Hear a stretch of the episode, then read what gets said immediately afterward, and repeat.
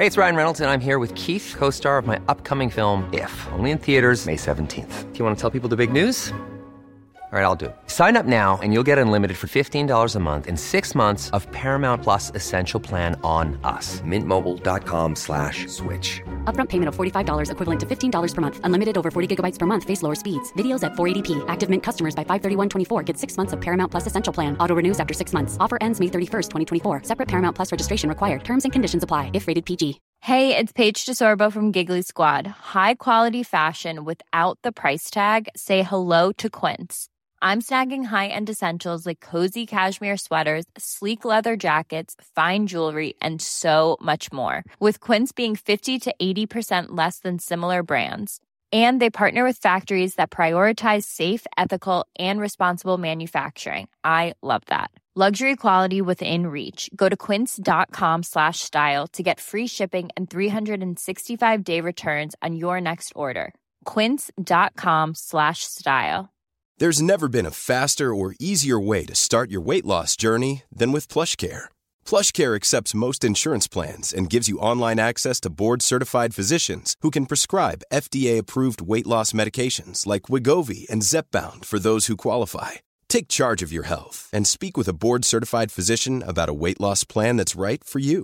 Get started today at plushcare.com slash weight loss. That's plushcare.com slash weight loss. plushcare.com slash weight loss.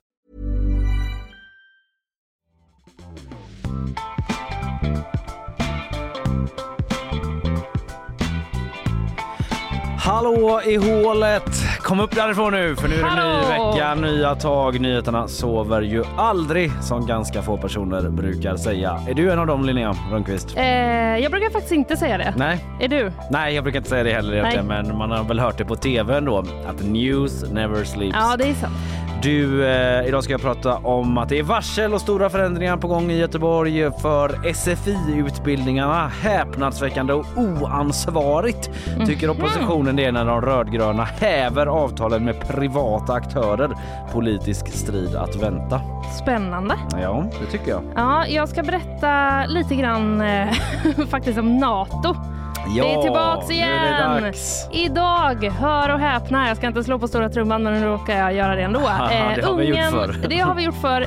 Men jag säger så här, ungen väntas rösta ifall vi ska få vara med i Nato idag. Ja, så det Sverige. kan vara liksom den stora dagen idag då. Det kan vara. Ja. Det kan faktiskt vara så. Eh, parlamentet samlas igen då efter sitt jätte, jättelånga vinteruppehåll och eh, dessutom så har vi då gjort en deal med Ungern i fredags om fyra nya JAS-plan. Det där vill man höra mer om. Coincidence? I think not. Eller I don't know. Men Nej. jag väntar på att du ska berätta lite mer om Ja. det. Sen får vi gästa också Etsas Yusuf, vår eh, kollega på GP, han politikreporter. Han kommer hit och snackar om Karlastaden. Ju, det har ju varit en del turer kring det här, eh, den här dealen som eh, kommunen i form av AB Framtiden eh, gjort med miljardärerna där ute. Det har det Om sannoliken. Tomträtterna. Mm, du har ju varit igenom det här lite eh, Linnea, men nu eh, har ju det rasats fram och tillbaka. Är det liksom att man rundat demokratin och finansierar miljardärer som gjort bort sig? Ja, Som kritiker menar Etsas kommer hit och eh, liksom berättar hur de här meningsskiljaktigheterna ser ut. Sen blir det bakvagn. Google pausar AI-tjänst för den gjort fel, fel, fel.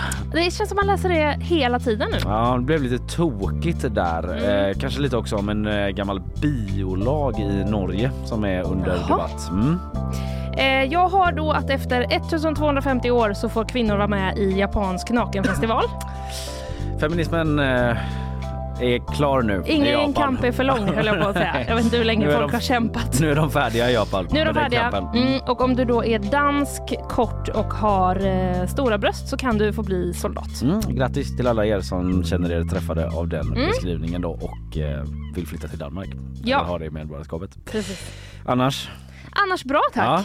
Ensamt på redaktionen i morse, första tiden. Ja, precis. Jag hamnade ju mitt i nyheterna i morse. Ska vi börja med det direkt? Ja, det vi tar det. I händelsernas centrum, Kalleberg.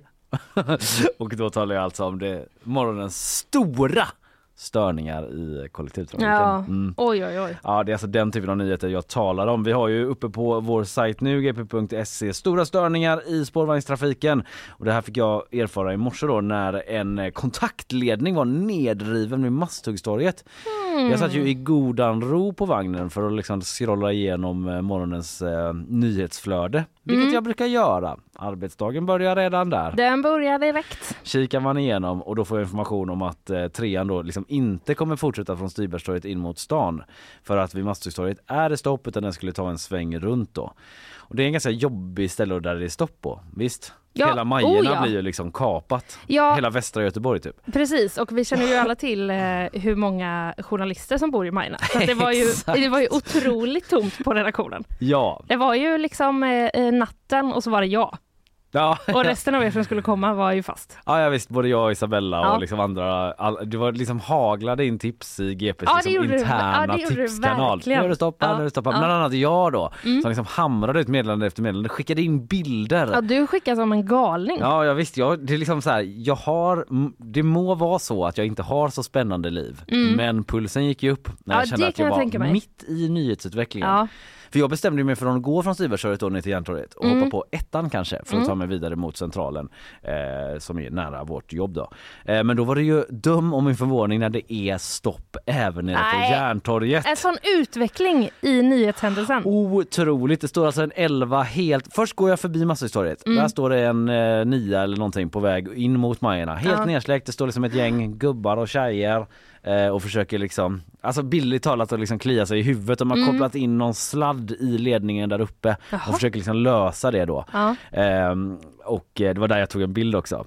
Den viktiga bildcredden på gp.se. Blev utkonkurrerad nu av riktig fotograf eh, Olof Ol- Olsson, vår Man kollega. blir ju ofta det. Som har tagit lite Eh, snyggare bilder men ja. min bild ligger ändå som tvåa. Ja, den gör det. Sen är Olof trea igen. Så jag har ändå slått mig in där mellan Olofs två bilder. Ja men där stod en vagn helt nedsläckt. Sen när jag kommer till Järntorget så står det en till vagn helt nedsläckt där liksom från Linnégatan mot Järntorget. Mm. Så hela den knutpunkten då, Järntorget, är liksom stängd åt båda, Då, från båda infarter så att alltså, säga. då är det eh, fan mig inte mycket att be för. I det, i det, när man hamnar i det läget. Då är det ju stopp där. Ja. Och jag liksom satt och fipplade med någon liksom sparkcykelapp där. Jag har ingen sån. Gjorde du ja, det? jag tänkte jag ska ladda ner den nu Oj! och ta mig in Ja. men det var för stökigt liksom. Och så Ja. jag så här, får jag parkera överallt där jag kommer fram? Du vet, blev orolig direkt. Ja. Tänkte ringa taxi men så här, att uh, Taxi Göteborg är så himla typ så här.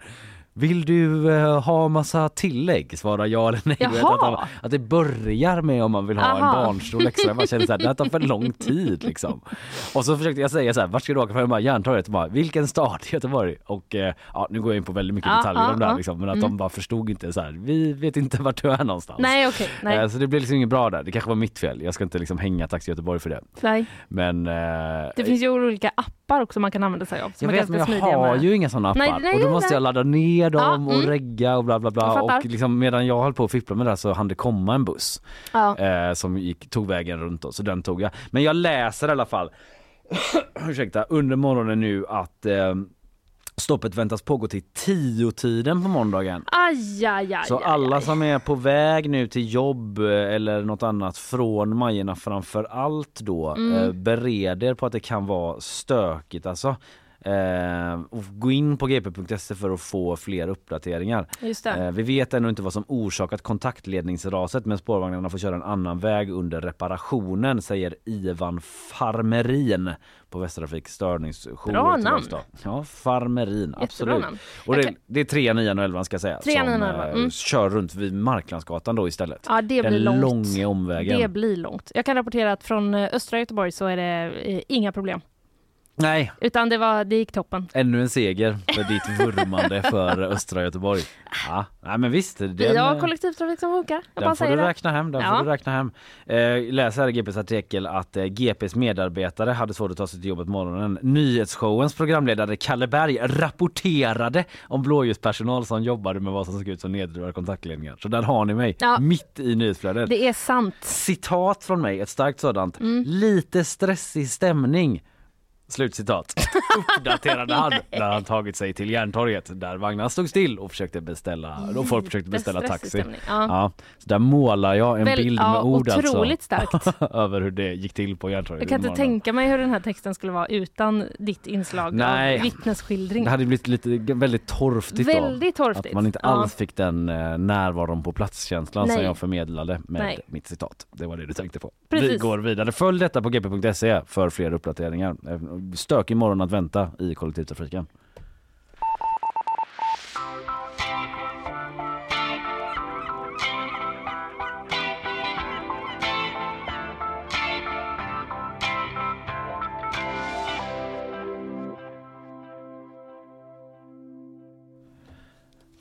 Men först innan eh, vi går vidare till nyheterna vi liksom puffat för inledningsvis så väldigt tråkiga nyheter den här morgonen. Ja. Nämligen att Georg Riedel är död. Mm. Kompositören och jazzmusikern, han somnade in under söndagen eh, uppger familjen för TT.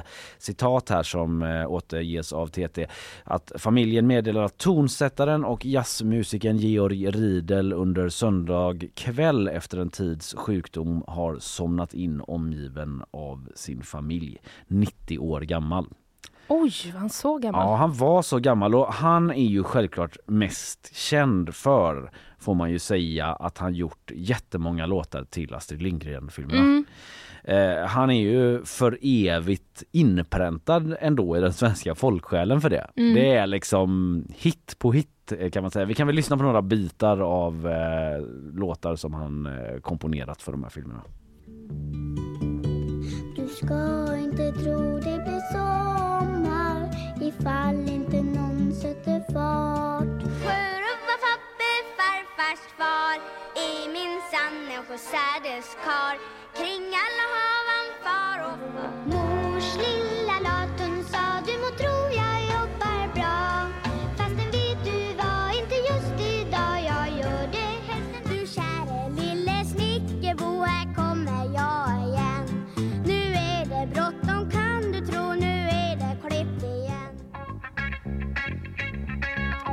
Karlsson, Karlsson, världens bästa Karlsson. Vad känner du Linnea? Nej, men jag känner, finns det några andra barnlåtar? Nej, man kan ju verkligen ställa sig den frågan. Ja. Det, tänk att ha skrivit det här. Mm. Tänk att ha Ja, gjort det det. är...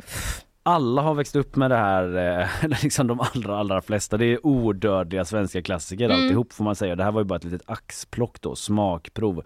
Eh, och eh, ja, det är ju eh, Ja, det är en fantastisk låtskatt helt enkelt. 90 år gammal blev Georg Riedel. Han föddes eh, 34 i Tjeckoslovakien som det ju hette på den tiden och eh, att han eh, redan som fyraåring då emigrerade till Sverige i upptakten till andra världskriget då, läser jag på Wikipedia. En flykt från nazisterna som det står där. Och han började sin musikkarriär som eh, jazzbasist och eh, gick på Kungliga Musikhögskolan och sådär. Och förutom alla de här Astrid Lindgren-låtarna då så är han ju en jättekänd och uppburen jazzmusiker. Läste då att han tillsammans med Jan Johans, Johansson som är en annan sån Mm. eh, jazz, jättekänd jazzmusiker spelat in Sveriges genom tiderna bäst säljande jazzinspelning står det på Wikipedia. Jaha. Jazz på svenska som kom ut 64.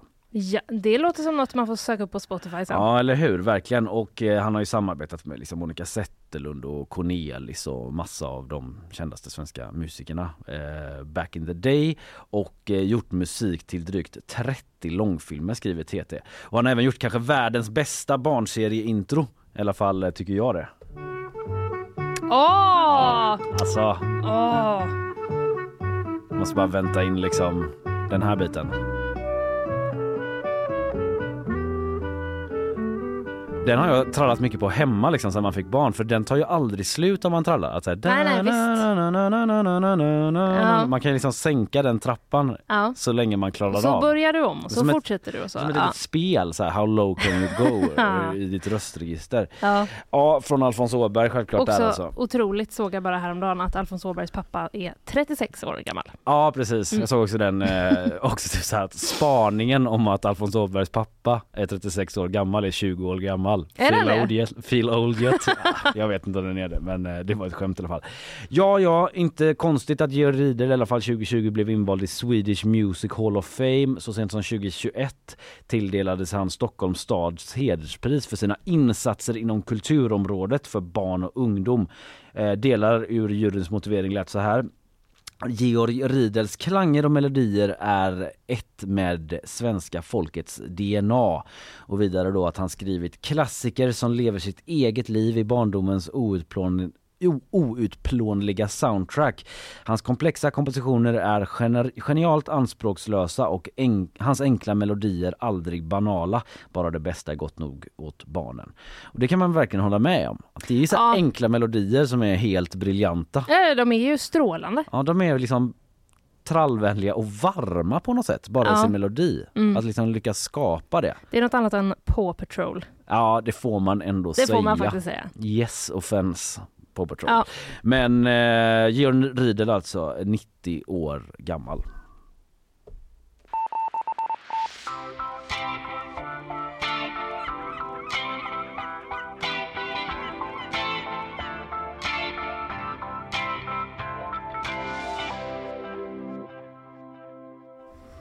Kristina Petersen, du eh, tog dig hit i morse trots mm. spårvagnskaos.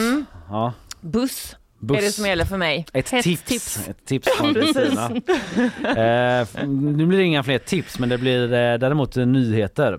Vi kör. Eh, varsågod Kristina. Två män i 20-årsåldern har gripits misstänkta för utpressning och människorov efter en händelse i Björkekärr igår kväll. De två männen ska ha misshandlat två andra män och också jagat och hållit kvar en av dem mot sin vilja. Det var en av de misshandlade männen som själv larmade polisen och efter en sökinsats hittades hans saknade kompis. Han hade då lindriga skador. Det är oklart vad det hela ska ha handlat om. Köpenhamns flygplats Kastrup utsattes igår för en storskalig IT-attack. Attacken drabbade hemsidan men påverkade inte flygtrafiken. Även flera myndigheter i Danmark ska ha attackerats och enligt DR är det en prorysk hackergrupp som ligger bakom överbelastningsattacken. Den här gruppen ska tidigare bland annat ha angripit Finlands riksdag. Och Israels premiärminister Netanyahus stab uppger nu på morgonen att militären har en plan för hur civila i staden Rafah ska kunna evakueras. Men hur evakueringen ska ske och vart människor ska ta vägen framgår dock inte. Uttalandet kommer samtidigt som Israel hotar med en fullskalig invasion av staden. I dagsläget uppges 1,4 miljoner palestinier befinna sig i Rafah.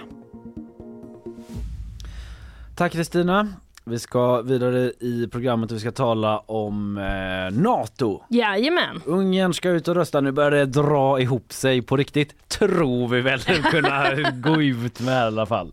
Eh, tack Kristina.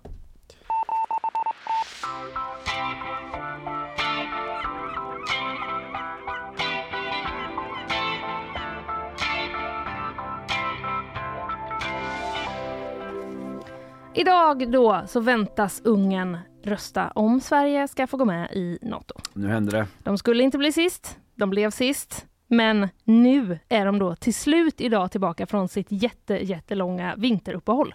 Ja, Det är jag som har bestämt att det är jätte, jättelångt då. det känns ju så. Alltså den, den som väntar, Mm. där går ju Ja, tiden då går tiden väldigt långsamt. långsamt. Det är ungefär som jag uttrycket som, lyder. Exakt, Mm. jag som väntar på en soffa som jag har beställt som Mm. aldrig kommer. Ja, det är väldigt likt NATO-processen faktiskt. Det är väldigt den, likt. Din Mm. privata situation. Precis, det kommer Mm. olika mejl, den säger så. Ja men nu verkar det Mm. ändå som den är på gång. Nej det är den inte. Och flera gånger Ska har det du bara. liksom varit ute officiellt och så här, nu är det klart. Exakt. nu är det Nu aldrig, kommer nu den. kommer den. Nu kommer den. Och så får du ändå vänta. Ja, och så Ja. får jag liksom ett mejl som är så, kom hit till butiken och vi behöver förhandla lite Ja. eh, om du ska få din soffa eller inte. Ja. Eh, vi slut på jämförelsen. Ja. Eh, men om Ungerns parlament röstar ja idag, det är de som ska rösta då, Mm. mm.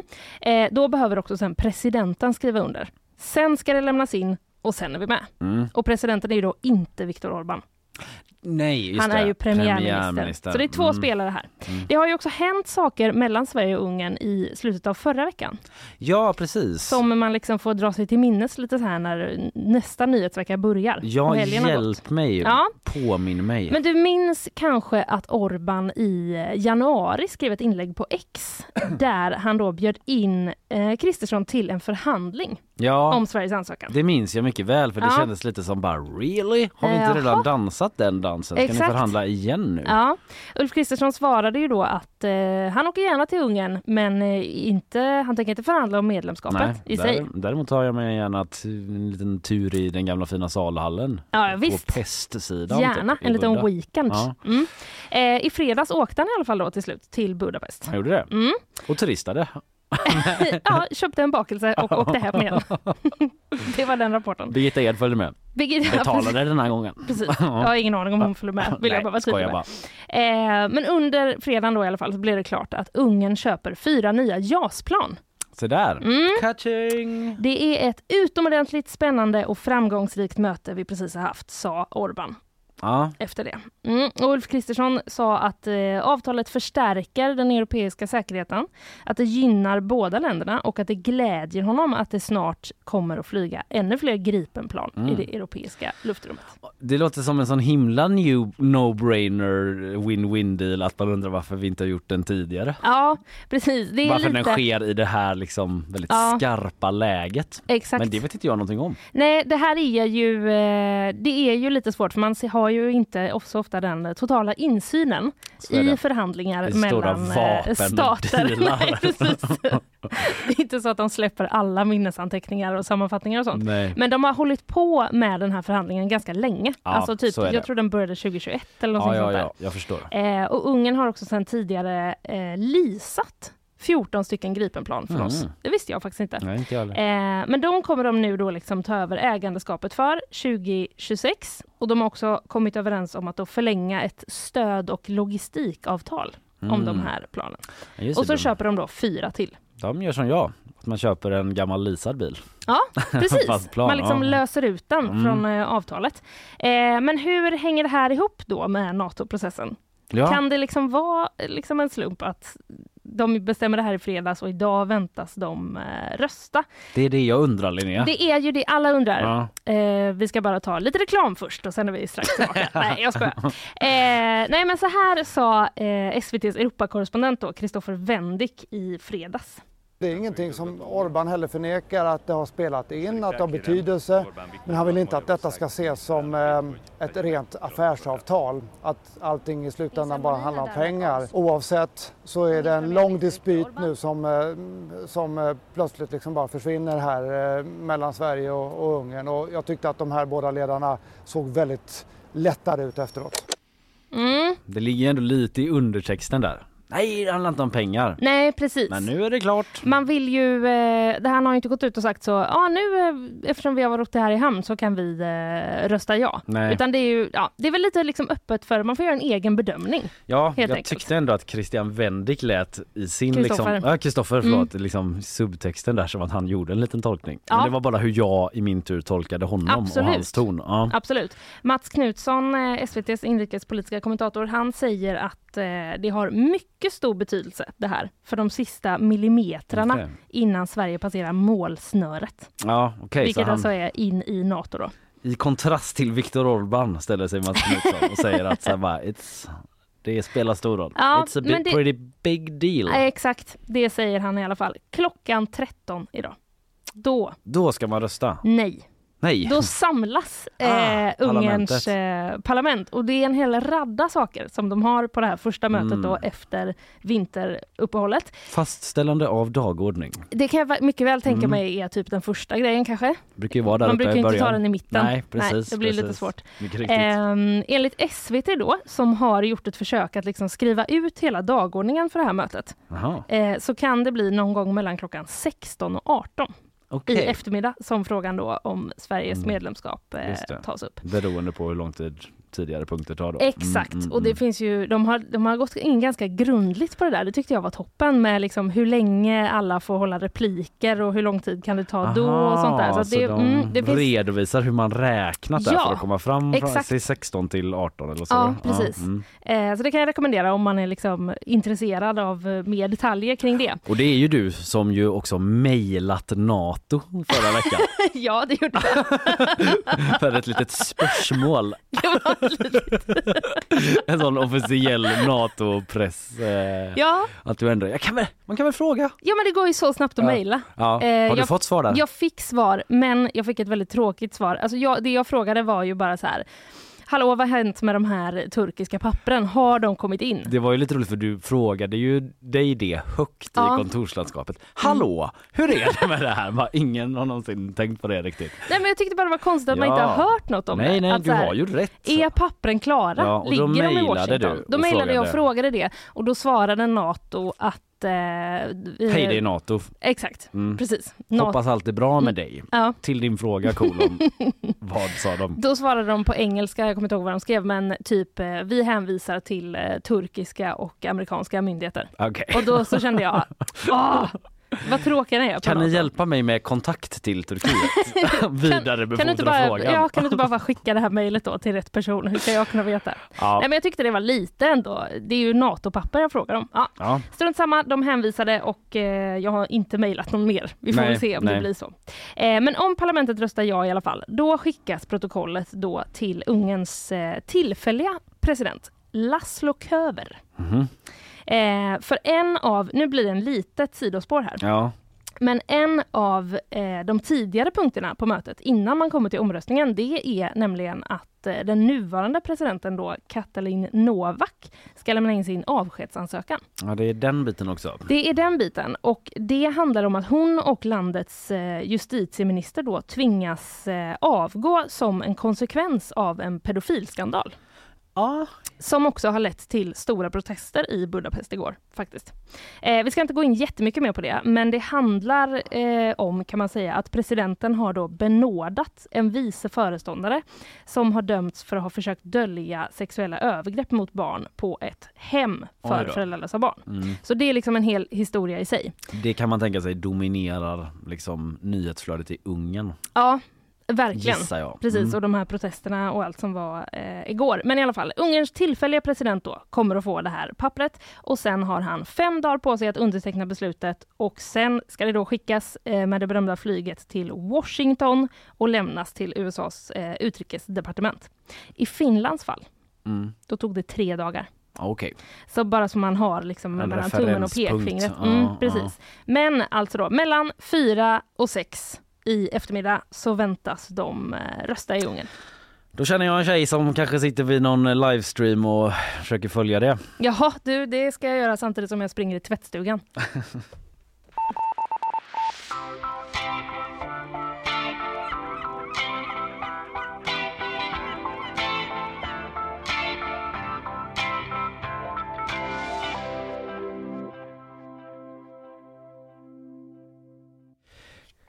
Karlastaden Linnea, Mm. det är ju hett omdebatterat eh, där eh, hur det ska bli. Det är ju så att AB Framtiden, det här kommunala bolaget, köpte ju tomträtter för drygt en miljard. Det här har du pratat om här i nyhetsshowen. Ja. Och eh, med en liten speciell deal där att man kan sälja tillbaka eh, eller att de kan köpa tillbaks det. Precis. Eh, de säljarna eh, senare då till liksom en ganska bra peng då. Eller liksom en bra deal. Ja, ni hör att jag är lite luddig kring det. Det är för att vi ska prata mer om det med vår politikreporter Etsas Yusuf här. Det har ju varit jättehård kritik liksom från oppositionen. Att man rundat demokratin när man gjort Ja, den här delen. Man har liksom inte varit precis. öppen. Nej, det har varit citat som man har varit så, jaha, Mm. vad är detta då? Ja men mustiga, mustiga Ja. citat som eh, dels då eh, Etsas varit liksom eh, mottagaren av då Mm. för att det är ju han som intervjuar alla de här. Förmedlaren av. Ja men precis och han är ju liksom mitt i detta Mm. som reporter. Den här liksom ganska hetska stämningen som verkar råda. Vi ska eh, pejla av där med Etsas eh, hur det låtit i Göteborgspolitiken och hur framtiden ser ut då för den här hett omdebatterade dealen i Karlastaden. Häng kvar så är Etsas med om en liten stund. Bye.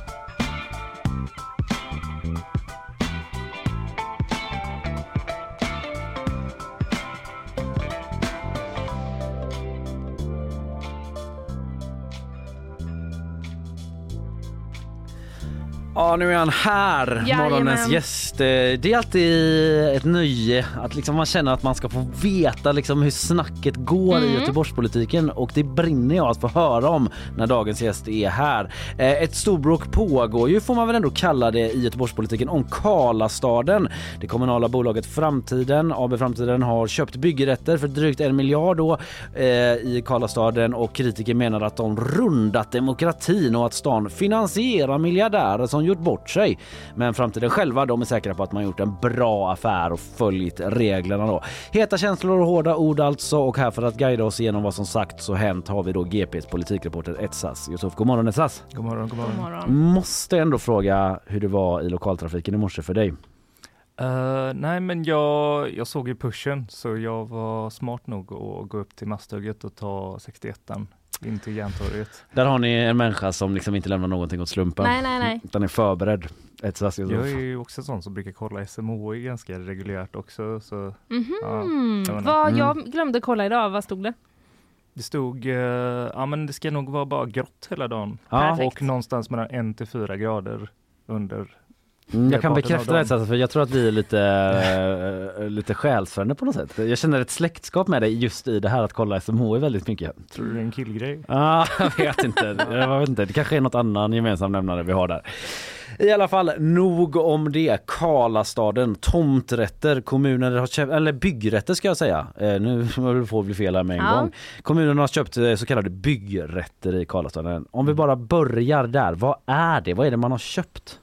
Alltså byggrätter är ju egentligen eh, det som eh, man har rätt att bygga enligt eh, detaljplanen och i Karlastaden så är det ju kontor, bostäder, eh, hotell och butiker liksom. Mm. Men Karlastaden är ju en flexibel detaljplan som det brukar kallas så egentligen så får man skruva på det hur som helst. Okej. Ehm, så det som är kontor får bli bostad och det som är bostad får bli kontor. Det är egentligen upp till den som bygger. Kan man bygga liksom ett Mm. nöjesfält om man vill också? Eller hur, Ja. hur flexibelt är det? Alltså nöjesfält, det beror väl på. Det skulle väl bli ett nöjesfält inomhus då. Men Ja. ja, ja det kan man ju i praktiken. Alltså vill någon bygga ett kasino där inne så får man väl det. Men- Eller, eh, Mm, ja, eh, det var ju sidospår av mig att börja prata om nöjesfält liksom kände jag. Men alltså bara innan vi liksom går in ännu mer på det där. Eh, hur skulle du liksom beskriva stämningen i Göteborgspolitiken kring den här dealen? För att det känns ju som att det råder ett väldigt högt tonläge liksom mellan opposition och styre.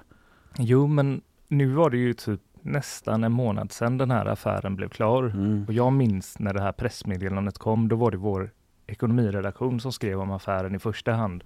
Men att jag liksom mässade ut massa olika politiker och bara ganska förutsättningslöst bara så här, vad, vad tänker ni? Mm. Och så efter några timmar då liksom small det till. Men det är precis som du säger, det är ganska heta känslor. Det som är förvånande är väl att det inte riktigt har lagt sig utan nu har det gått en månad och de är liksom fortfarande lika irriterade som de var dag ett. Mm. Mm. Och tvärtom upplever jag att det är fler och fler som hakar på. Alltså, dag ett så var det typ Centerpartiet och det lokala partiet Demokraterna och Mm. nu är det liksom alla oppositionspartier är lika arga upplever jag. Mm. Mm. Men den här eh, dealen, om vi ska liksom försöka reda ut lite vad det handlar om, den är lite uppdaterad, eller uppdelad ska jag säga. Det är Mm. två kvarter som eh, man då har köpt eh, helt och fullt. Det är klart liksom. Från då de här bolagen Doxa och Balder. Men fyra av kvarteren har en, den här klausulen då som mycket handlar om, eh, om att Doxa och Balder då kan få köpa tillbaka dem. Och eh, det är ju den biten då som har fått en viss eh, kritik. Vad är den främsta kritiken? Vad handlar det om? Ja, men, eh, om vi börjar med affären, det är sex kvarter och eh, AB Framtiden då som är allmännyttan i Göteborg, det är alltså Poseidon, bostadsbolaget, eh, familjebostäder. De har köpt in sig i sex kvarter, två av dem, precis som du säger, har de köpt 100 av och så resterande fyra har de köpt 67% av tror jag. Och där får då Balder och Serneke, eller Doxa som numera äger Serneke, de får köpa tillbaks den här innan första oktober 2027 till samma pris som de har sålt dem för fast med uppräknat 50% av KPI. Alltså det blir ju liksom kostnadsökningarna, indexeringen. Mm. Och det betyder i praktiken att de får köpa tillbaks eh, till ett billigare pris egentligen. Alltså Mm. kommunen förlorar pengar på den där klausulen. Mm. Mm. Och det här har ju vissa i oppositionen menat att kommunens bolag då, att bostadsbolagen här agerar bank åt de här fastighetsbolagen. Att just nu så byggs det inte så himla mycket, liksom inflationen gör det jobbigt för många av de här fastighetsbolagen. Mm. Och att kommunen går in då och håller den här marken under den tiden och 2027, första oktober, ja men då kanske det är ett bättre läge och folk vill kanske köpa bostadsrätter, det kanske är billigare att bygga. Mm. Då kan de köpa tillbaks den här marken till samma pris som de har eh, sålt den för. Mm. Ehm, och det är det här som, som dels är en av liksom konfliktytorna i den här affären. Mm. Ja det finns ju en del till som vi kommer till men vad säger AB Framtid då? För du har ju pratat med deras VD där. Mm. Hur argumenterar han för den här dealen? Ja, men grejen är att AB Framtiden menar å sin sida då att de här två kvarteren som de ska bygga, som de har köpt 100% av, det är tror jag ett 27-våningshus och ett 17-våningshus som ska byggas där vid Karlastaden. Mhm. Och eh, där har de planer att bygga bostäder, drygt 400 stycken. Och då menar de att de har fått tag på de här ehm, typ 125 miljoner kronor under det bokförda värdet. Och så bedömer de att de kanske förlorar drygt 30 miljoner på det här andra upplägget för de andra, fy- andra fyra kvarteren. Mm. Och då menar de att så här, men vi, enligt vår uppfattning så går ju vi plus på det här och därför är inte det här en dålig affär. Och, Ah, Att de någon som- tycker att det är en bra deal. Liksom. Ja, precis. Och, eh, så de, de, och de menar också så här, hade vi inte gjort det här upplägget där eh, Serneke och eh, Balder får köpa tillbaks de här andra fastigheterna inom den här tidsperioden, ja men då hade det nog inte blivit en affär och liksom, vi vill verkligen komma in i den här nya stadsdelen och få bygga lite hyresrätter och då är det det här man får göra för att få komma in där. Typ en paketdeal lite grann. Precis, Ja. Mm. precis. En förhandling. Precis, och Ja. de hävdar ju att så här, den, den där återköpsklausulen, det har varit en förutsättning för att ens få loss den här dealen. Mm. Och eh, ja, men det är deras, liksom, det är deras förklaring. Varför vill man så gärna in i Karlastaden då från kommunens håll? Ja, men deras resonemang är ju typ sådär, vi har ett uppdrag att bygga blandat och vi ska, liksom på sikt så ska ju de leverera 22 300 bostäder om året. Och då Mm. menar man att det här är ett sätt att leverera på det uppdraget men också leverera på att kunna få in hyresrätter i en attraktiv stadsdel som ändå liksom, ja alla vet ju Göteborg liksom vad Karlastaden är, det är ju ändå liksom Mm. Har marknadsförts som en liksom flådig stadsdel som kommer vara exklusiv och Karlatornet är ju klart nu så de ser väl ett skäl här att komma in från kommunens sida då och bygga allmännyttiga bostäder. Mm. Mm.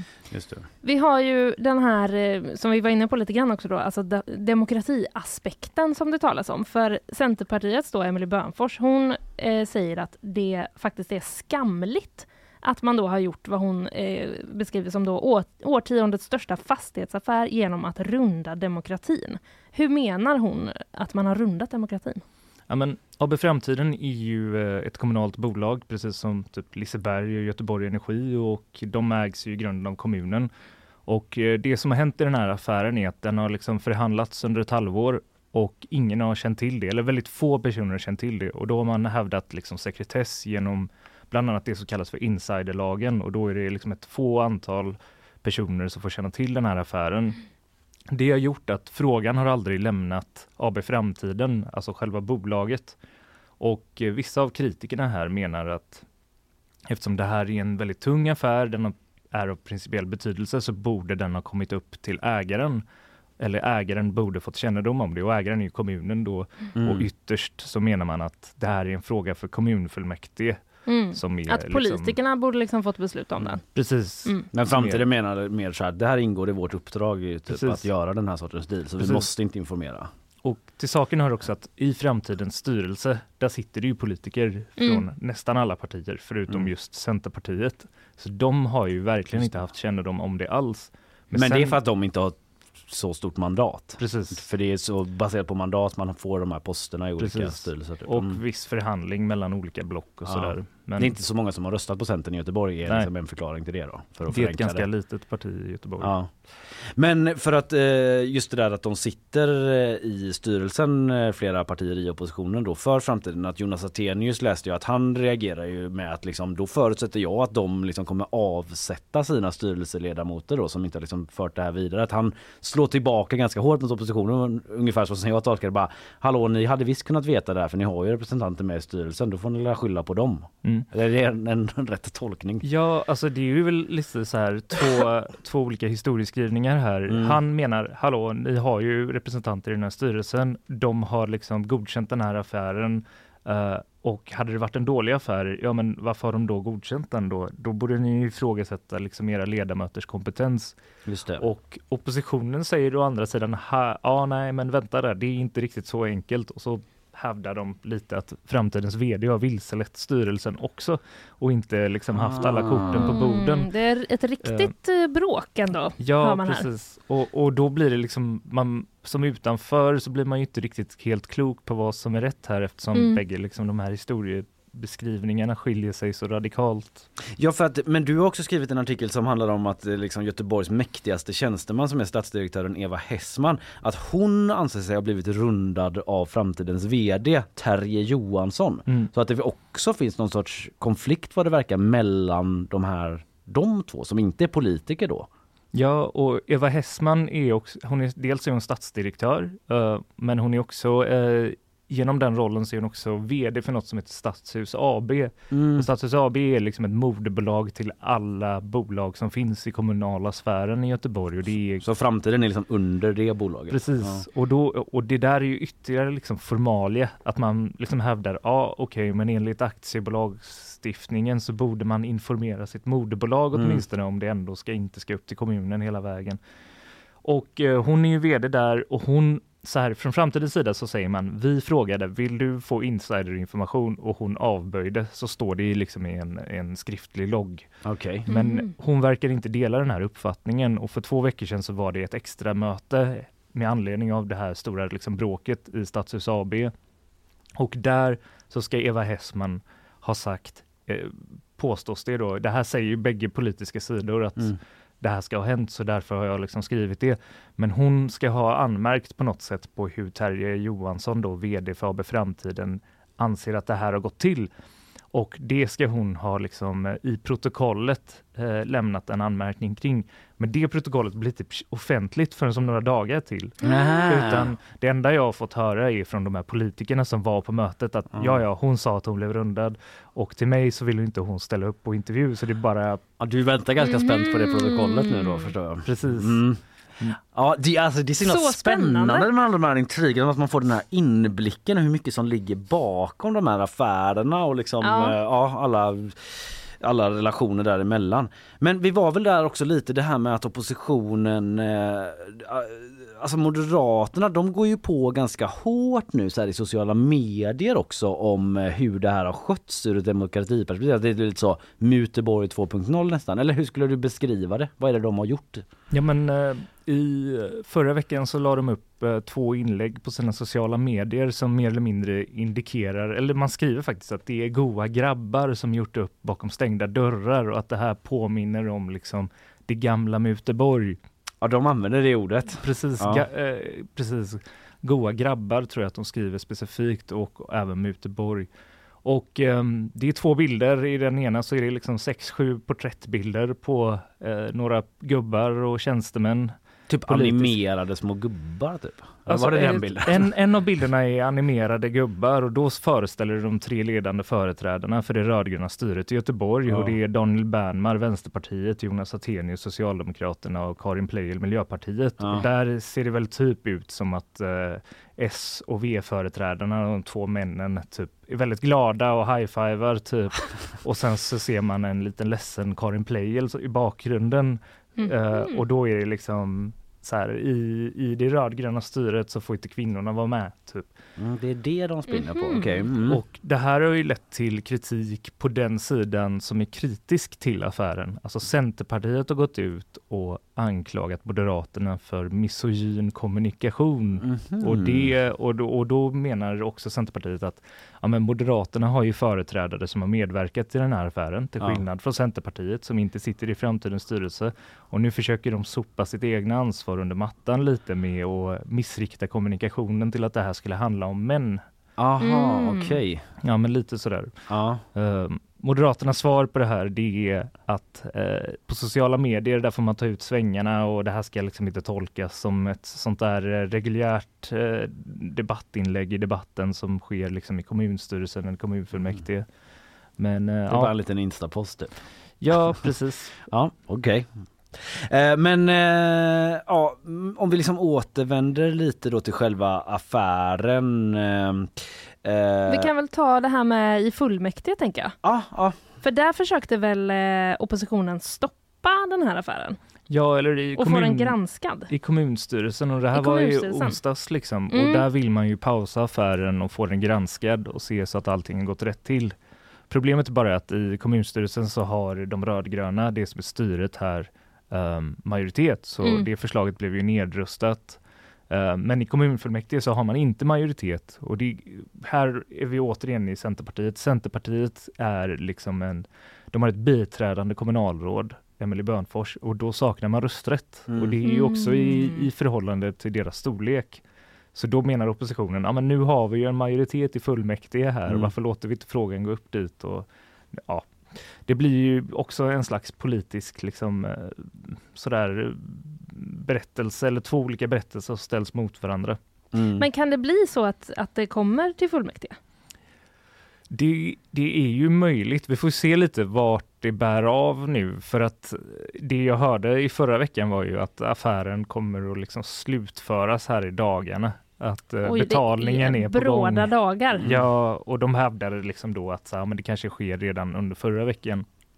Att pengarna liksom skickas ut, Mm. att affären blir helt fullständig och då är det väl inte så mycket att göra åt om pengarna redan betalats ut. Mm. Nej. Och grejen är typ så här, om man vill få upp ett ärende i kommunfullmäktige, vilket varje ledamot i kommunfullmäktige kan, då kan man lägga en motion. Men en motion tar väldigt lång tid innan den kommer upp i kommunfullmäktige. Mm. Alltså det kan ta typ allt från liksom ett halvår till flera år, liksom om den verkligen fastnar i I Eh, byråkratin. Precis. Mm. Ja.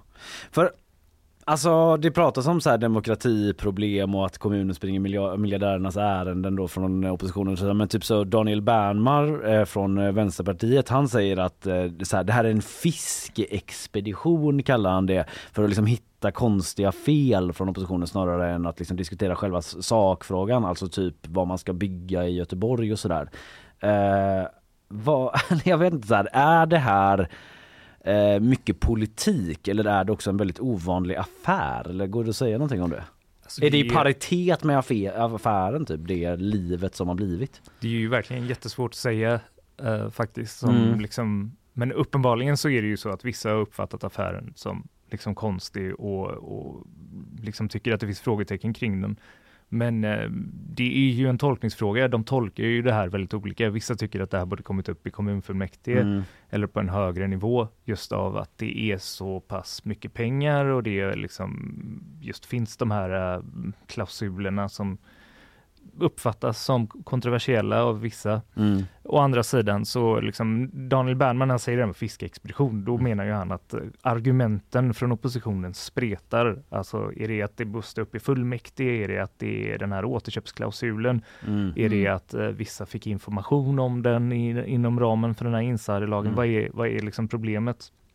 Och det andra han också anmärker på är väl att det är ju inte det, är ju inte liksom det rödgröna styret som har beslutat om den här affären utan det är ju nere i bolagsstyrelsen och där finns ju alla de här partierna med och det är liksom det är väldigt svårt att anklaga styret menar han då för att ha genomfört den här affären. Mm. Mm. Ja. Men några dagar kvar då tills det här protokollet blir eh, Mm. offentligt. Mm. Så får vi se om det är så spännande som vissa av de här politikerna hävdar. Mm. Mm. Vad tror du händer annars? eh, Eller så här, vad är när- det är det som är närmast förestående. Alltså i fredags hade de ett, också ett sånt där extrainsatt möte med anledning av bråket och då ska det ha diskuterats liksom vad kommer det bli för hyror i de här kvarteren då som kommunens Mhm. bolag ska bygga. Ja, den Och- de äger helt själva. Den, Precis. de två. Ja. Precis. Mm. Och eh, ja, det får jag väl ringa på här under dagen och se vad, vad de är beredda att säga. Men eh, vad som är liksom klart är ju att eh, köper man för de priserna i det nyproduktion, då blir det ju sällan billiga hyror. Det vet ju Mm. alla liksom som är som ser nyproduktionen komma ut på marknaden i Mm. Göteborg. Mm. Hyresrätter som är nya är, har ju inte billiga hyror och är det i Karlastan så kanske det är ännu högre liksom. Mm. Och sen ska de bygga i så gammal stil också. Blir det liksom ett eh, 17 våningar högt landshövdingehus eller hur Alltså- ska det se ut liksom? AB Framtiden har ju pratat om att de ska börja bygga någon slags så här koncepthus. Som Just det. förhåller sig Mm. till eh, liksom någon slags göteborgsk klassisk stil, Ja. alla landshövdinghus. Um, och jag ställde den här frågan till framtidens vd häromdagen och att han eh, jag upplevde att han började liksom så här lite skruva på sig och Mm. sådär. Åh nej, men man vill ju inte påverka innehållet genom att komma in med nya och sådär. Åh nej, ja. Han svarade inte rakt på det, men Nej. jag tolkar ändå Nej. att det lutar mer mot nej än ja. Ja. Okej. Ja, du har en del att stå i Etsas, Ja. Etsas Yusuf som är vår kollega på GP som eh, bevakar politiken och eh, byggandet här i stan. Tusen tack Etsas för att eh, du kom hit den här morgonen. Tack själva.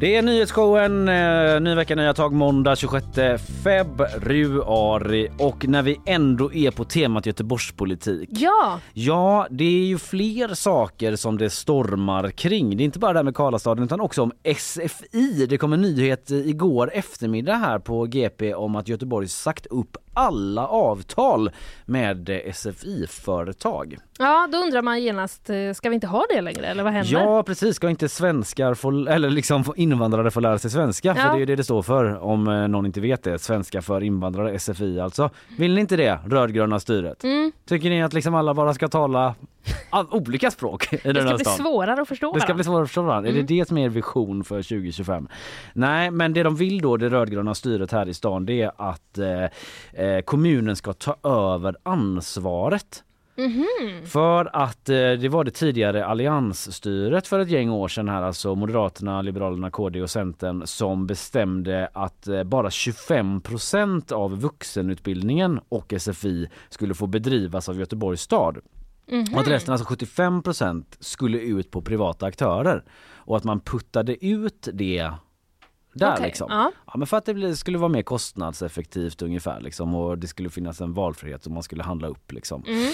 Eh, men det är det som man vill ändra på nu då från eh, styrets sida och då är det Marie Brynolfsson från Vänsterpartiet. Hon är ordförande för eh, nämnden för arbetsmarknad och vuxenutbildning och det är vänstern tillsammans med S och MP som ligger bakom det här då för hon säger att det är liksom helt absurt tycker hon att man måste köpa in 75% av utbildningsplatserna då av externa aktörer. Man måste liksom ta tillbaka kontrollen över SFI Ja, okej. öka kontrollen över SFI-undervisningen är det man vill göra. För det som har varit så här, en bakgrund till det här Mm. det är att sen man pytsade ut det på privata aktörer så har det kommit en del rapporter över, om att det har varit körigt på en del utbildningar. Vi på GP rapporterade eh, i början av 2022 till exempel att flera lärare slutat då hos eh, en aktör som upphandlats av kommunen eh, där man då liksom, att det var prislappen som fick styra. I upphandlingen ska man Aha, välja det billigaste ja. budet liksom. Mm. Och då lämnade de in en jättefin prislapp på det Mm, liksom, vann mm. den upphandlingen men sen började lärare säga upp sig, SFI-lärare alltså för det var för stressigt. Hiskelig arbetsbelastning. Oj då. en som vi pratade om då. Ja. Ja, och eh, att eh, liksom, den här personen, han sa att han kunde liksom inte ha ett normalt liv för det var så jäkla mycket att göra då. Oj. Ja, och eh, du, alltså då var det Axel Darvik från Liberalerna Eh, Liberalerna som ju var med och drev igenom det här. Sen var det liksom att Axel Darvik hade tillträtt efter Just det. den upphandlingen Ja, i det fallet. Men det var alla hans fall, parti var med. det var hans parti och han sa själv att det liksom varit ett race mot botten när det gäller priserna för upphandlingen och att de liksom dumpades ner. Och han sa citat att SF, SFI-undervisningen fungerade inte bra som den ser ut idag. Kvaliteten är inte tillräckligt hög. Mm. Så det är ändå bakgrunden att det ingen var så nöjd med Nej. hur det blev. Nej. Kan man nog ändå sammanfatta det som. Det blev liksom inte perfekt och inte minst lärarna hamnade i kläm då med den här stressiga arbetssituationen. Och nu eh, är det just arbetssituationen som Maria Brynolfsson från vänstern då liksom hänvisar till att den är ohållbar eh, för att eh, liksom undervisningstiden har gått upp så mycket. De har så mycket eh, lektioner typ, lärarna Mm. liksom, så de hinner inte med. Men varför blir det bättre bara för att kommunen ska göra det då? Ja. Undrar vi på GP. Ja. Frågan ställdes till Maria Brynolfsson och då säger hon att det Ja, hon säger så här. Det blir en mycket mer sammanhållen utbildningskedja när kommunen har både ungdomsgymnasiet och vuxenutbildningen och man kan, kan skapa kombinationsutbildningar och fånga upp elever på helt andra sätt. Den är lite svårdechiffrerad. ja, hon menar liksom att man kan, eh, det är lättare att jobba ihop de två då. Ja, på något, något sätt. sätt. Och då Ja. får man en liksom bättre helhet, hel, helhetsutbildning, de Mm. här eleverna då liksom, och det blir mer effektivt på så sätt. Men det här är ju då liksom tråkiga nyheter för alla de här företagen som bedriver SFI. Som har vunnit upphandlingar och så vidare. Eh, Kuben Utbildning, eh, Kuben med C, heter eh, ett eh, företag och eh, där säger eh, eh, Åsa Lundberg som är utbildningschef där att liksom i princip all personal på deras eh, företag kommer behöva sägas upp. Och att det här liksom, det är helt förfärligt för dem. Det är 72 personer som jobbar där och eh, den stora huvuddelen av dem kommer vara tvungna att sluta nu då. De har 1200 elever där som de ska liksom flytta nu då till andra skolor under hösten. Mm. Och de kanske är mitt i utbildningen och det blir, riskerar att bli rörigt säger Åsa Lundberg. Eleverna behöver större trygghet i sina studier. Vi hade behövt lite längre tid på oss för att kunna förbereda dem så bra som möjligt. För de fick så här eh, strax innan midnatt en fredag i februari stod det artikeln så kom det här beskedet då. Oj! Ja, ganska plötsligt för så som de har upplevt det då. Ja. Att de ehm, Och till hösten så tar det slut liksom. Ja, för det finns en sex månaders uppsägningstid. Mm. Och eh, än så länge vet man väl inte exakt vart alla elever ska ta vägen då utan det som jag förstår det ska man titta på då. Men det ska finnas kvar en del privata aktörer. Jaha, Kommunen ska okej. inte ta över allting.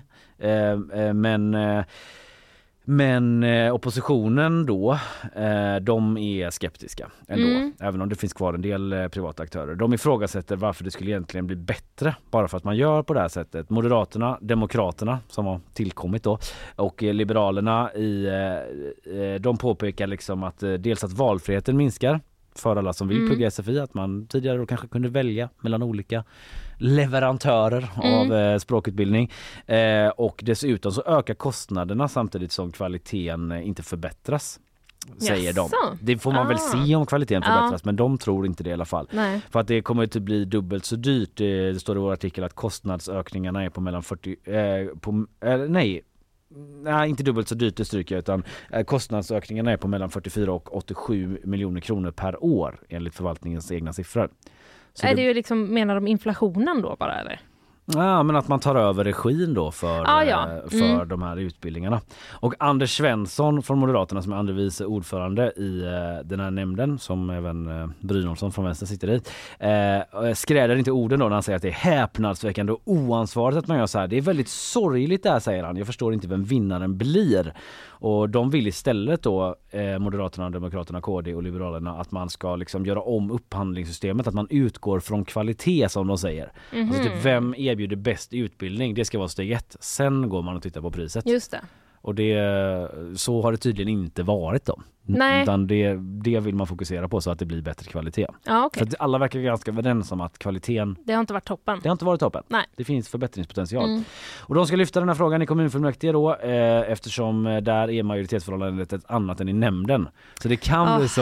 Ja, det är det här igen Oj, oj, liksom. oj, I nämnden där har styret med sossarna och vänstern och miljöpartiet Mm. bestämt det här att detta ska ske. Men i kommunfullmäktige så är styrkeförhållanden annorlunda och då ska Mm. det upp där. Och Anders Svensson säger att jag tror att gemene göteborgare på gatan känner att ja, det känns rimligt att de skulle köra över styret då i fullmäktige.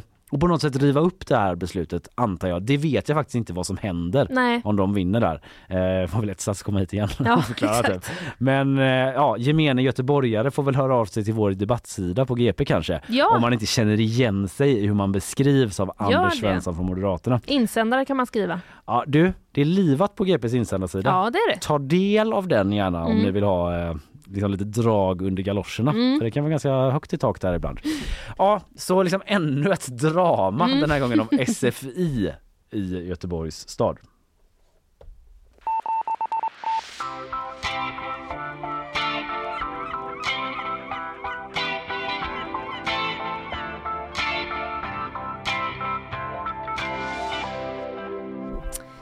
Varje år, läser jag på DN, Mm. så reser tydligen tusentals män till Inisawa för att delta i stadens nakenfestival. Mm. Och det gör de med förhoppningar om att få ett års lycka.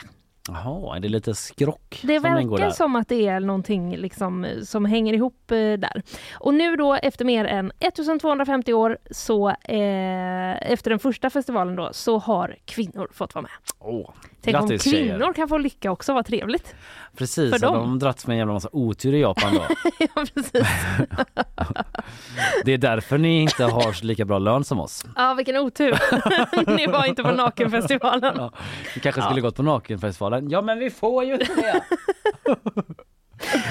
Ja, men eh, i årets festival i alla fall, den gick av stapeln eh, i eh, torsdags och bland de då nästan nakna männen, skriver DN.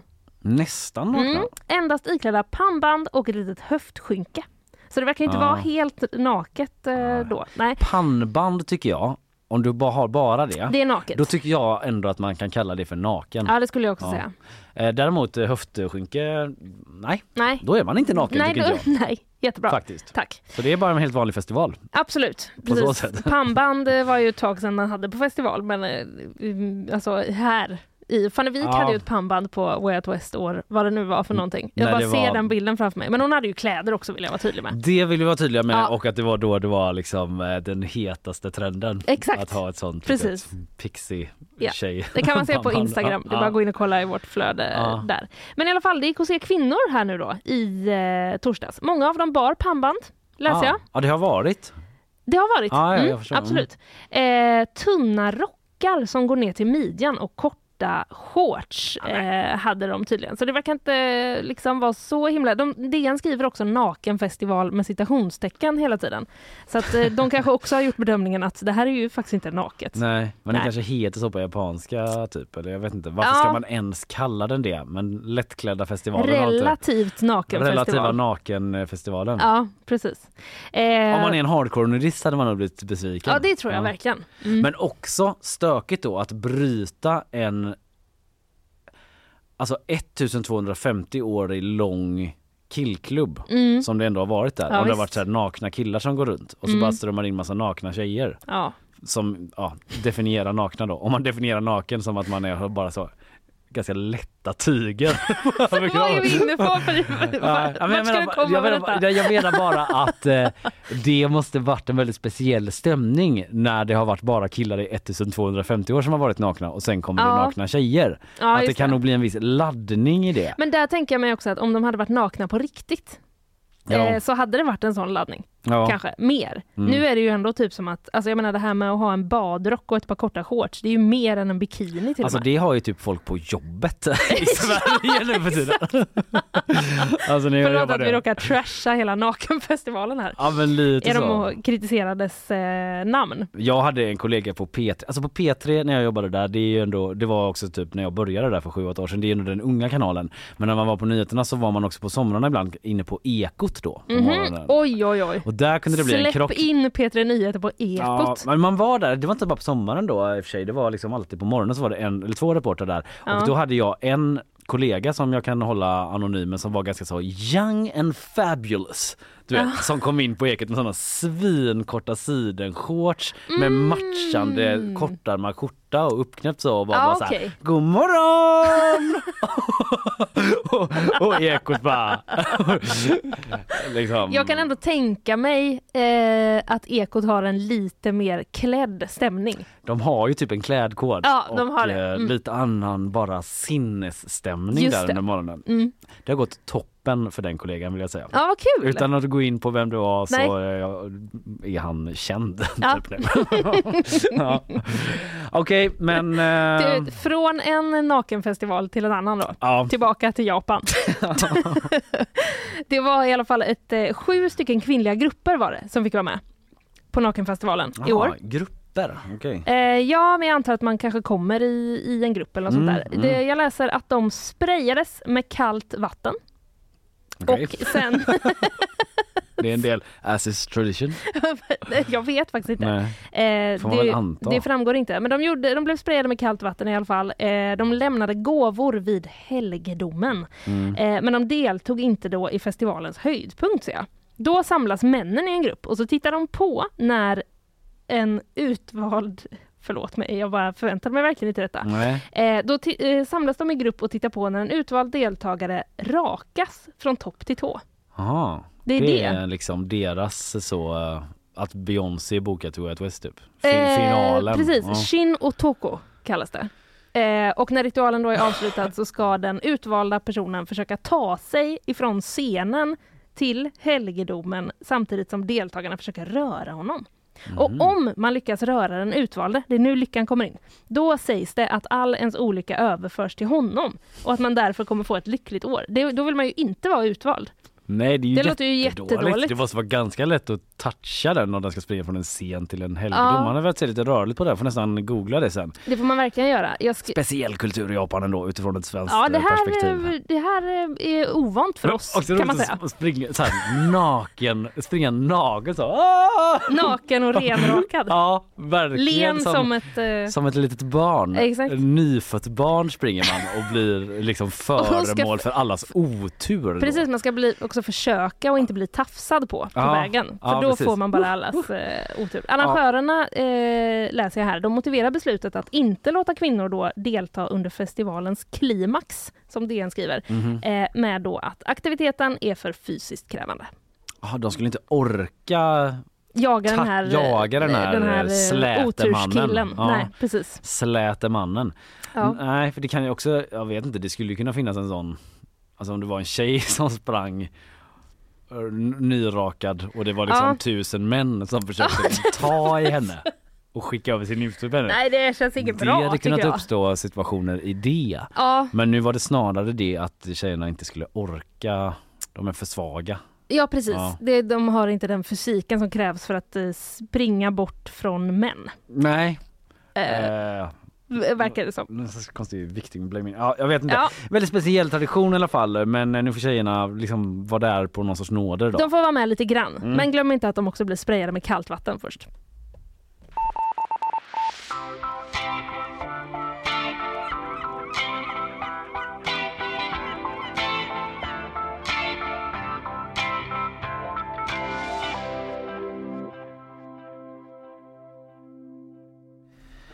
Mycket mångfald men svag historisk korrekthet. Ja. Det läser jag på svt på svt.se. Man vill gärna att bägge de två ska vara på en okej nivå. Ja precis, den ena behöver väl inte vara på bekostnad av den andra Nej. kan man väl känna då. Det jag talar om är en AI-tjänst från Google som har pausats nu för att den skapade felaktiga bilder. Det är SVT som rapporterar Mm. om det. Och den där beskrivningen är liksom flera som har sagt att ja, det, är- det, det, det är så det är med Det är Googles. AI-tjänst. Att Ja. det är mycket mångfald men svag historisk korrekthet. Och då har man plockat ner den för den har liksom genererat flera historiskt felaktiga bilder då. Eh, det står att eh, Google då eh, bara tre veckor efter att man lanserade den här AI-tjänsten har fått plocka ner den. Tråkigt för dem. Det, alltså, det känns ju som att det är där vi är mycket med AI nu. Det är Mm. ju, vi, nästan varje vecka är det ju så. Den här chattbotten sa något helt sjukt. Mm. Nu är den stängd. Ja, och det var ju i början att man hörde mycket om att all AI förr eller senare blev liksom bindgalna rasister. Ja, Att eh, de drog åt det hållet Mm. liksom och förlorade sig i typ högerextrem retorik. Men nu verkar det ha svängt åt andra hållet då.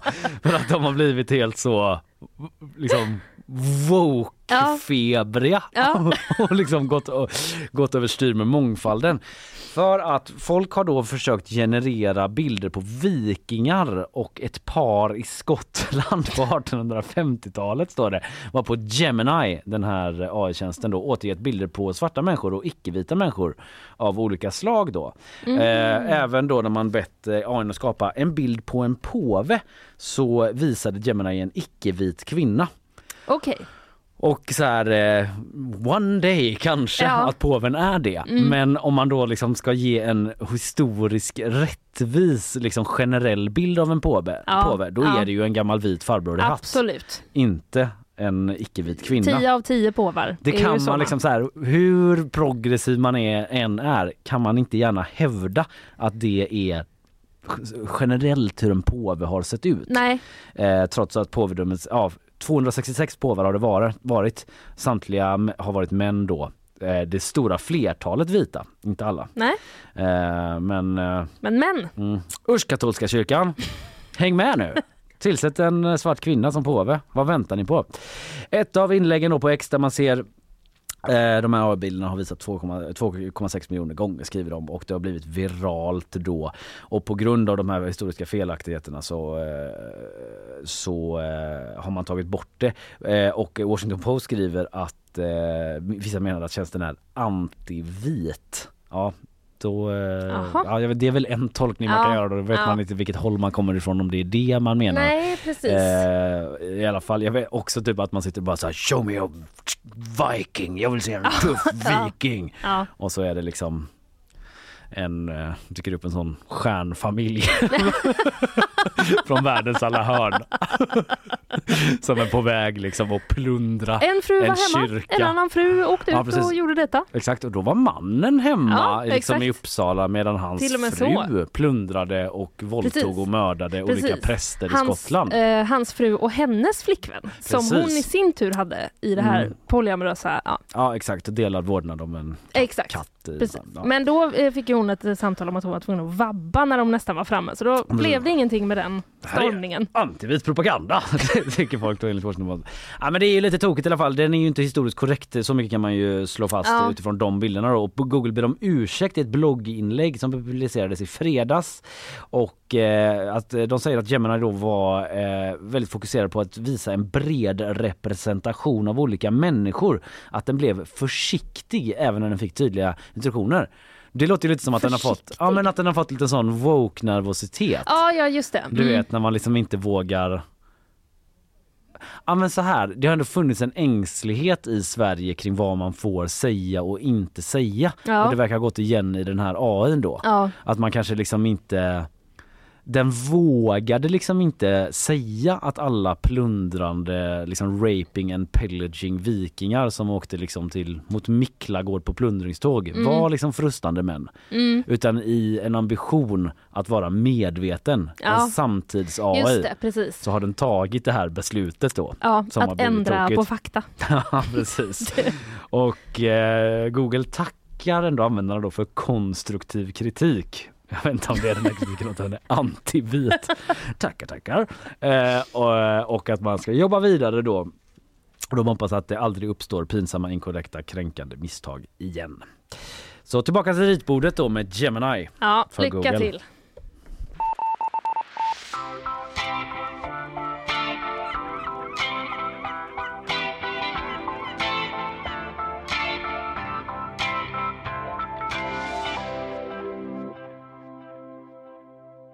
Eurovision Song Contest. Song Contest, Mm. mycket riktigt, och eh, Israel har vi pratat om. Ja, Så sent som i fredags tror jag, när du berättade vad Israels bidrag hette. Visst var det October Rain? så var det ja. heter låten som eh, Israel och eh, public service-bolaget kan då eh, ha tänkt att skicka mot eh, eh, till Eurovision som ju Mm. faktiskt är i Malmö då eh, i maj. Ja, Men nu hotar Israel att dra sig ur. det gör de. Okej. Det gör de och det är, det säger de att de kommer göra då ifall det är så att EBU som ju är liksom, ja, kingar över Eurovision. Mm. Där public service... United Broadcasting Precis. Union. Exakt. Om jag inte minns fel. Nej men jag tror, jag tror att du har rätt. Ja. Eh, om de vill göra ändringar i texten Aha. till eh, bidraget. Mm.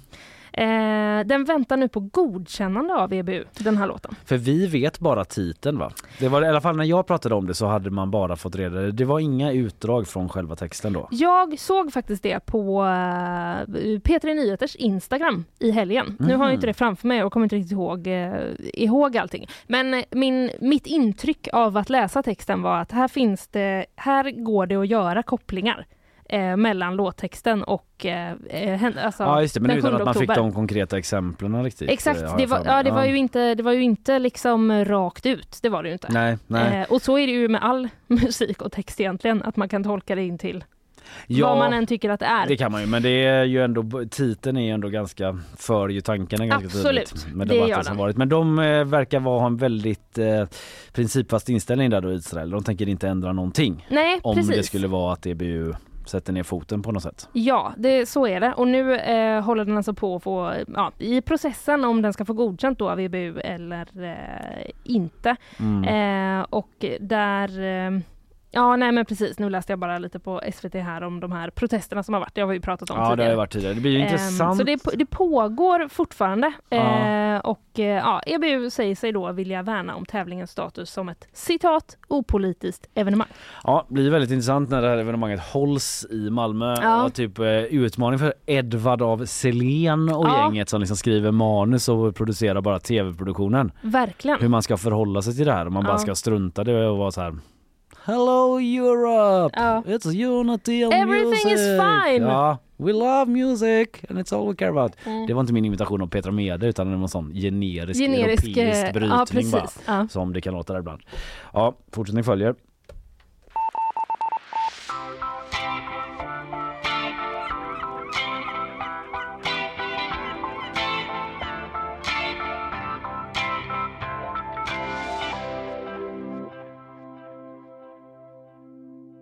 Norge var det väl ett tag sedan eh, vi var i?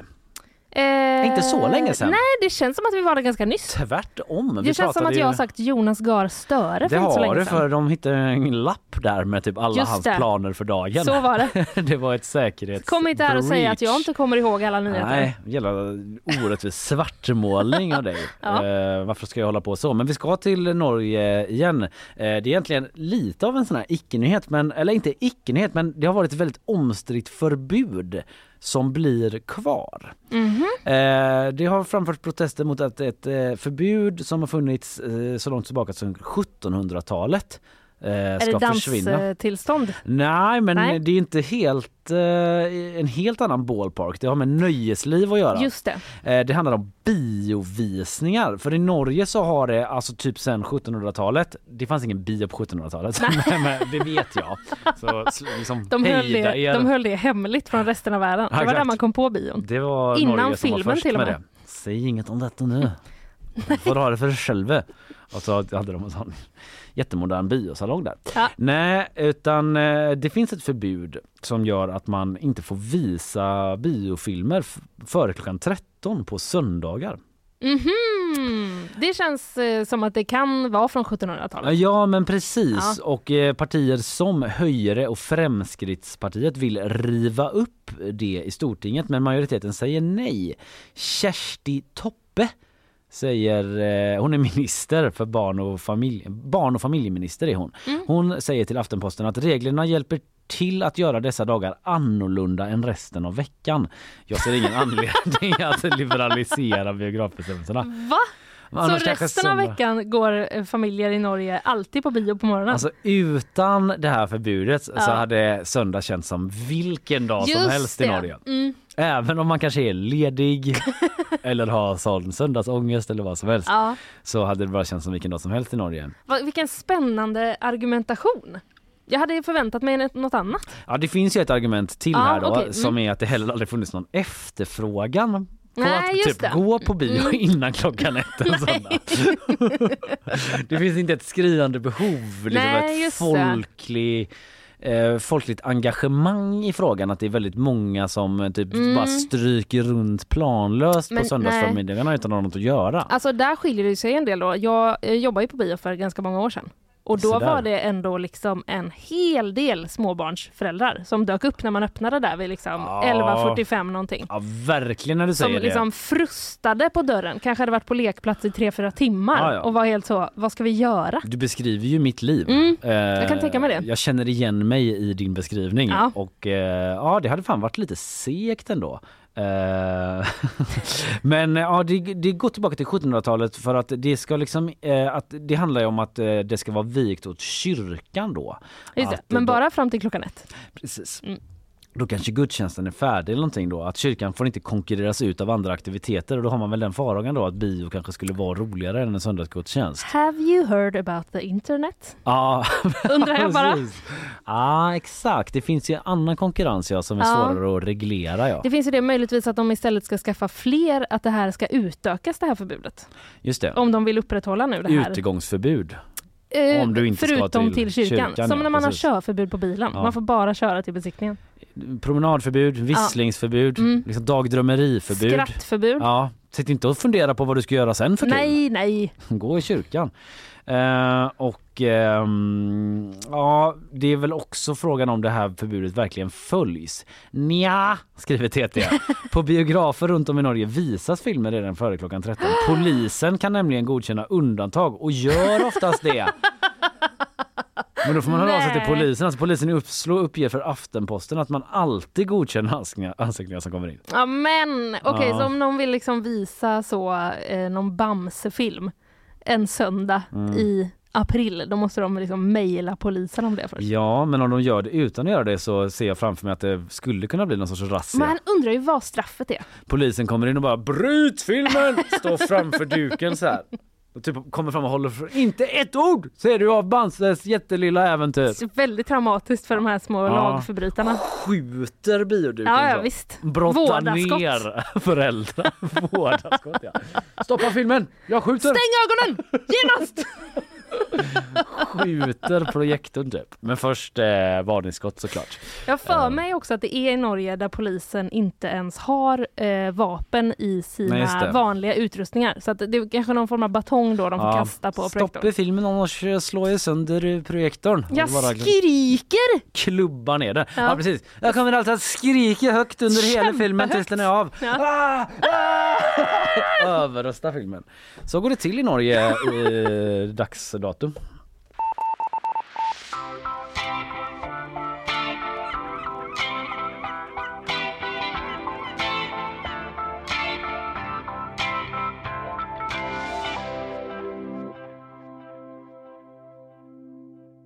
Varför ska vi bara hålla oss i Norge när vi också har Danmark Låt Danmark få vara med i den här som leken. grannland? Precis, ska vi Mm. se vad vi kan reta dem Vad för? händer där egentligen? Jo, där eh, kan jag berätta då eh, att TT skrev eh, igår att nu kan man då, om man är kortare än 155 centimeter, så ska man inte per automatik uteslutas från värnplikt i Norge.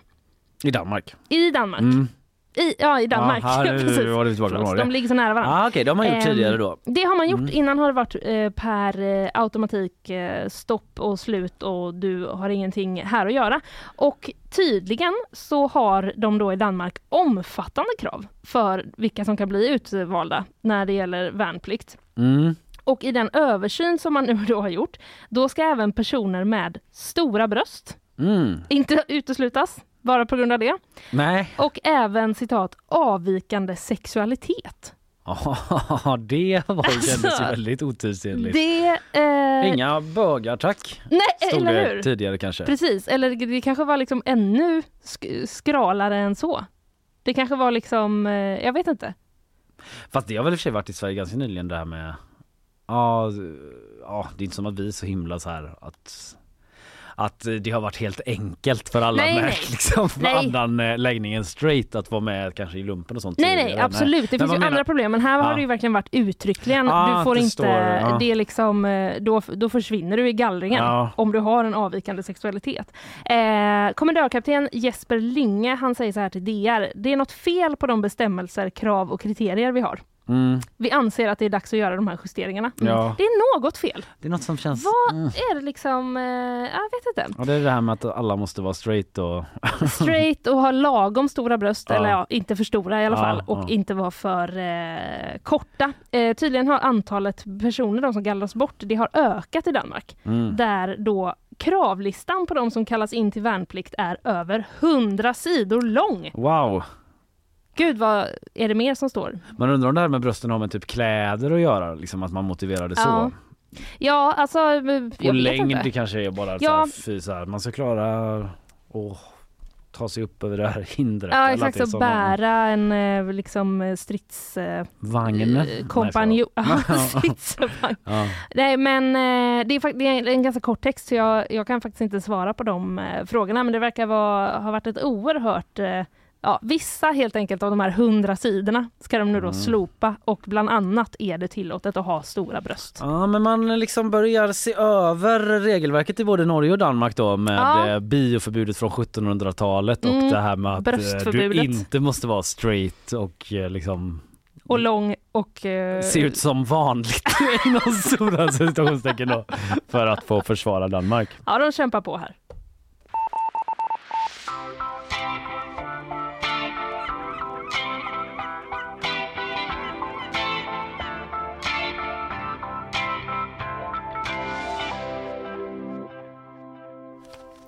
Ska börja runda av här men jag kan väl bara avslutningsvis eh, uppdatera om någonting som har skett eh, här under morgonen eller nyheten har kommit nu. Lite ekonomibreaking under morgonen att mm. Kinnevik eh, som är liksom det stora bolaget i den här Stenbecksfären Ja. som ju är ja, en jätte, jättebolag i Sverige. Ja. Alla känner till kanske det. Men de säljer hela sin del i Tele2 nu eh, i en affär som uppgår till 13 miljarder kronor. Det är större än Karlastaden, affären. Det I är pengar. det Mm. och eh, större än hela Viasat-köret Ja. och allting. Alltså det händer mycket i eh, de här telekomsvängen nu alltså.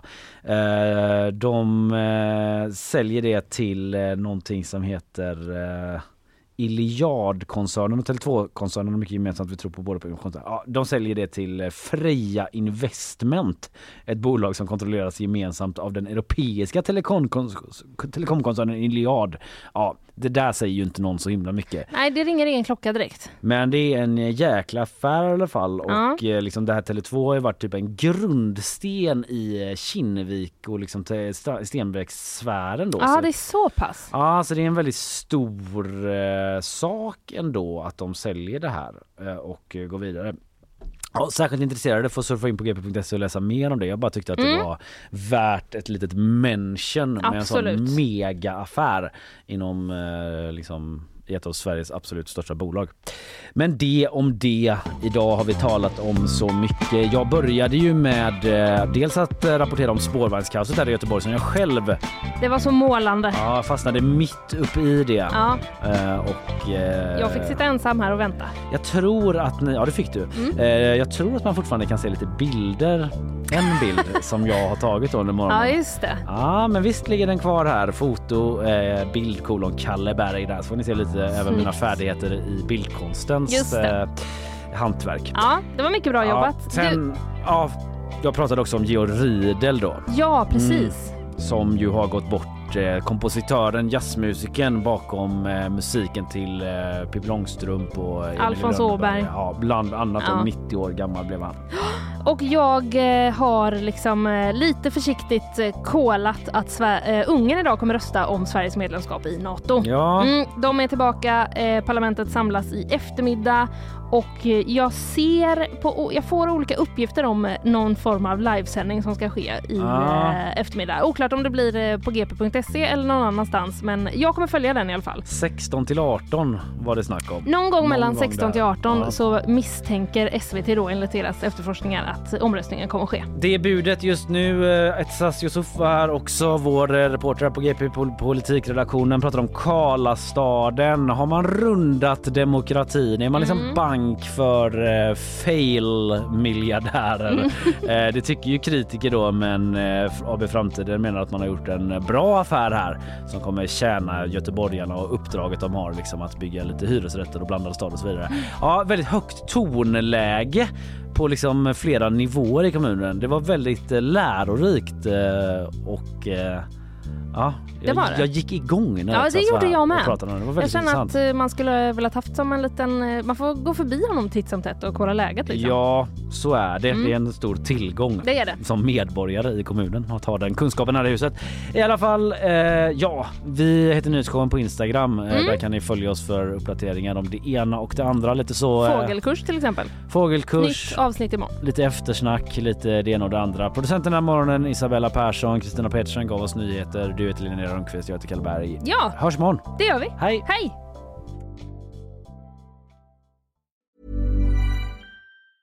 Planning for your next trip? Elevate your travel style with Quince. Quince has all the jet setting essentials you'll want for your next getaway, like European linen, premium luggage options, buttery soft Italian leather bags, and so much more. And is all priced at 50 to 80% less than similar brands. Plus, Quince only works with factories that use safe and ethical manufacturing practices. Pack your bags with high-quality essentials you'll be wearing for vacations to come with Quince. Go to quince.com slash pack for free shipping and 365-day returns.